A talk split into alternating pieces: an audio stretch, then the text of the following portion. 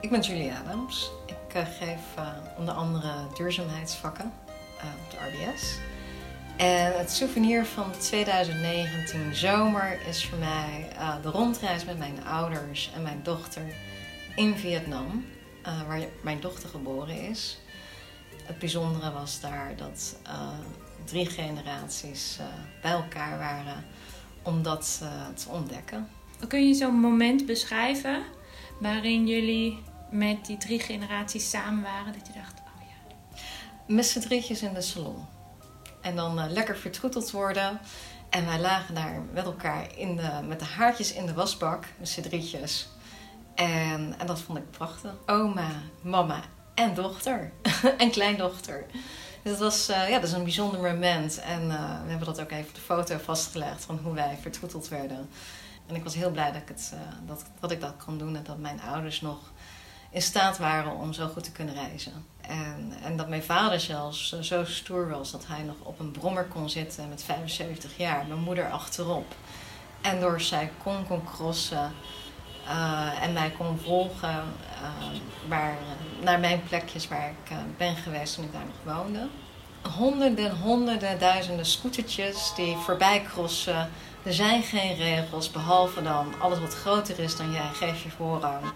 Alles kan, je let op, je zorgt voor elkaar op de motor. Het is uh, rokerig, smok, maar er is gewoon continu activiteit. Uh, Saigon is wel een stad dat, je, uh, wat heel leuk is om te ontdekken op een, op een motor. En het is zeg maar 30 km per uur max, dus het gaat heel erg langzaam.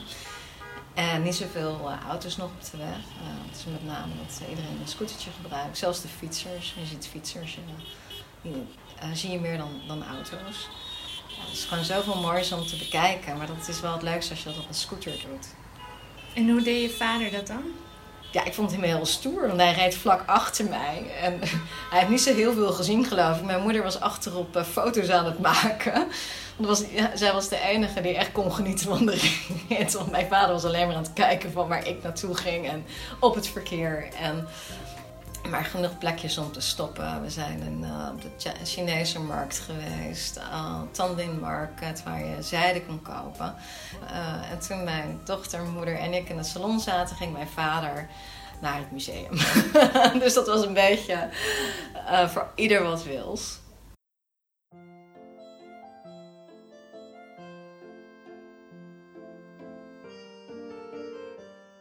Mijn naam is Frank Rutte. Ik ben docent onderzoeksvaardigheden bij de Rotterdam Business School. En mijn moeder is deze zomer bij mij in eh, Rotterdam geweest. De actieradius van mijn moeder die neemt ontzettend af. Dat ik één kilometer kan te veel zijn. En zij wilde heel erg graag zien waar ik uh, woonde en kom te wonen. Uh, we zijn van Venlo naar Rotterdam gereden, naar mijn nieuwe woning. Ik heb het lege appartement laten zien waar ik op dat moment aan de slag was. Daarna hebben wij uh, aan de overkant van het water hebben we een kop koffie gedronken, een appelgebak en een tosti. Toen zijn we teruggelopen, we de auto gepakt. Toen zijn we naar uh, mijn huidige adres gereden, aan de Esch. En daar hebben wij uh, met elkaar naar de Tour de France gekeken via de computer. Ik heb uh, eten besteld. Mijn moeder wilde er niet uit, want zijn moeder moest twee trapjes op en twee trapjes af en dat is dan te veel. En toen heb ik de Portugees laten komen. En, en, daarna hebben wij samen wat televisie gekeken, radio geluisterd, kaartje gespeeld. En de dag daarna zijn we opgestaan en gewassen, ontbeten. Ik, heb, ik had nog aan haar gevraagd of ik er naar, want vroeger kwam ze heel graag aan de zee of ze nog naar Wassenaar wilde. De Wassenaarse slag om even naar de zee te kijken. Maar ze wilde eigenlijk ook wel weer terug naar huis. En wat maakt deze herinnering dat je hem wil onthouden? Dat is gewoon een, een, een heel teken van dat mijn moeder belangrijk voor ons vindt. Dat is um, A, met elkaar eten. Dat staat gewoon echt uh, centraal in onze relatie. En gewoon, uh, laten we zeggen, bij je zijn en thuis zijn en uh, bij je familie over de vloer komen. Dat is gewoon belangrijk in de relatie tussen jou en ja, je ouders.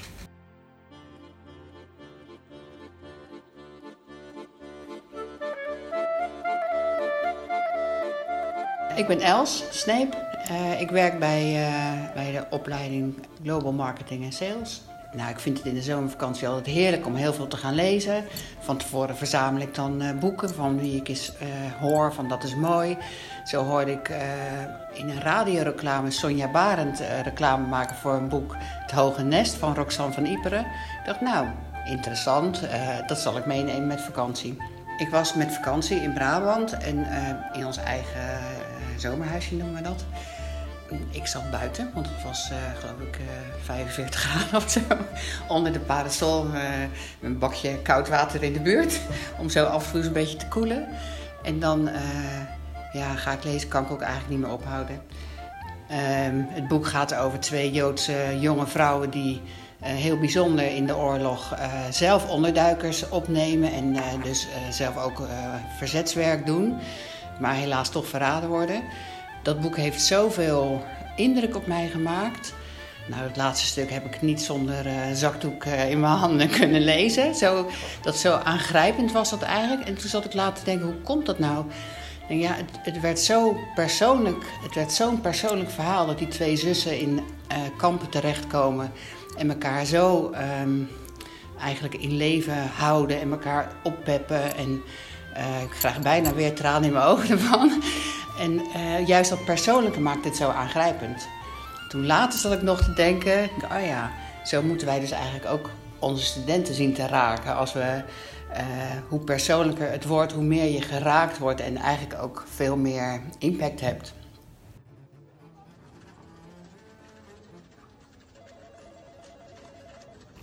Wietske Willemsen, programmaleider van Mama's Garden.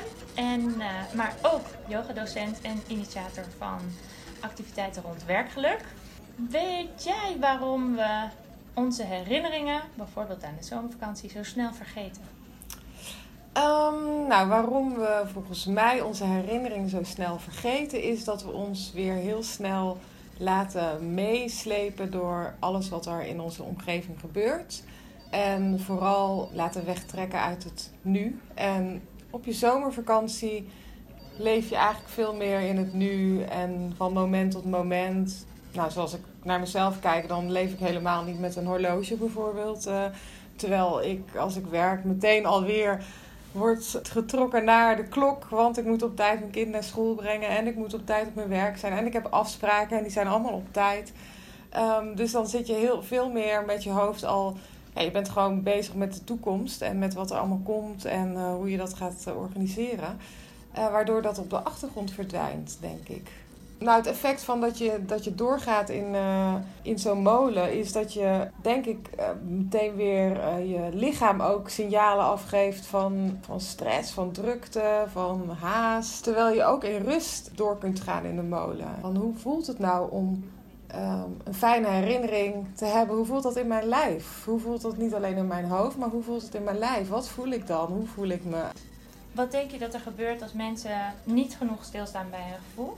Um, ik denk dat je dan jezelf voorbij loopt. Dat je lichaam geeft zoveel signalen af dat jij te snel gaat, um, onrustig bent. en ik denk omdat mensen zo in hun hoofd zitten, vergeten ze hun lichaam. Maar intussen heeft dat lichaam al heel veel signalen afgegeven. Een hoge ademhaling, slecht slapen. Ja, ik denk dat je, dat je door bewustwording of bewustzijn al heel veel van dat soort uh, um, ja, signalen kunt waarnemen. En dat je daar ook al bewust mee aan de slag kunt. En bij jezelf kunt nagaan waar komt het nou vandaan en wanneer, wanneer speelt het extra en wat helpt voor mij. Het is niet zo dat iedereen naar de yoga moet, dat is ook onzin. Maar wat is voor mij een manier? Misschien vind je wandelen heel fijn. Of uh, weet je, als je op je werk bent, zit je dan meteen heel de dag achter je computer. Of probeer je elke uur even een rondje te lopen om even je hoofd, zonder telefoon dat wel, uh, even je hoofd leeg te maken. Um, maar luister echt naar je gevoel en naar je lichaam. En dan, um, vaak is je lichaam sneller dan je geest. En voor iemand die luistert en die denkt: ja, ja, alles mooi en aardig, maar um, wat, dat is een beetje vaag gepraat. Wat kunnen we dan concreet, wat kun je concreet als tips meegeven om toch iets van die ontspanning van die vakantie, of gewoon ontspanning in het moment, mee te geven? Ja, ik denk dat het ook heel persoonlijk is per persoon. Maar kijk, als je echt iets wil veranderen, dan moet je niet tien dingen tegelijk. Niet van, oh, ik ga yoga doen drie keer per week. En ik ga elke ochtend om 6 uur opstaan. Doe ik ochtends ook nog even yoga.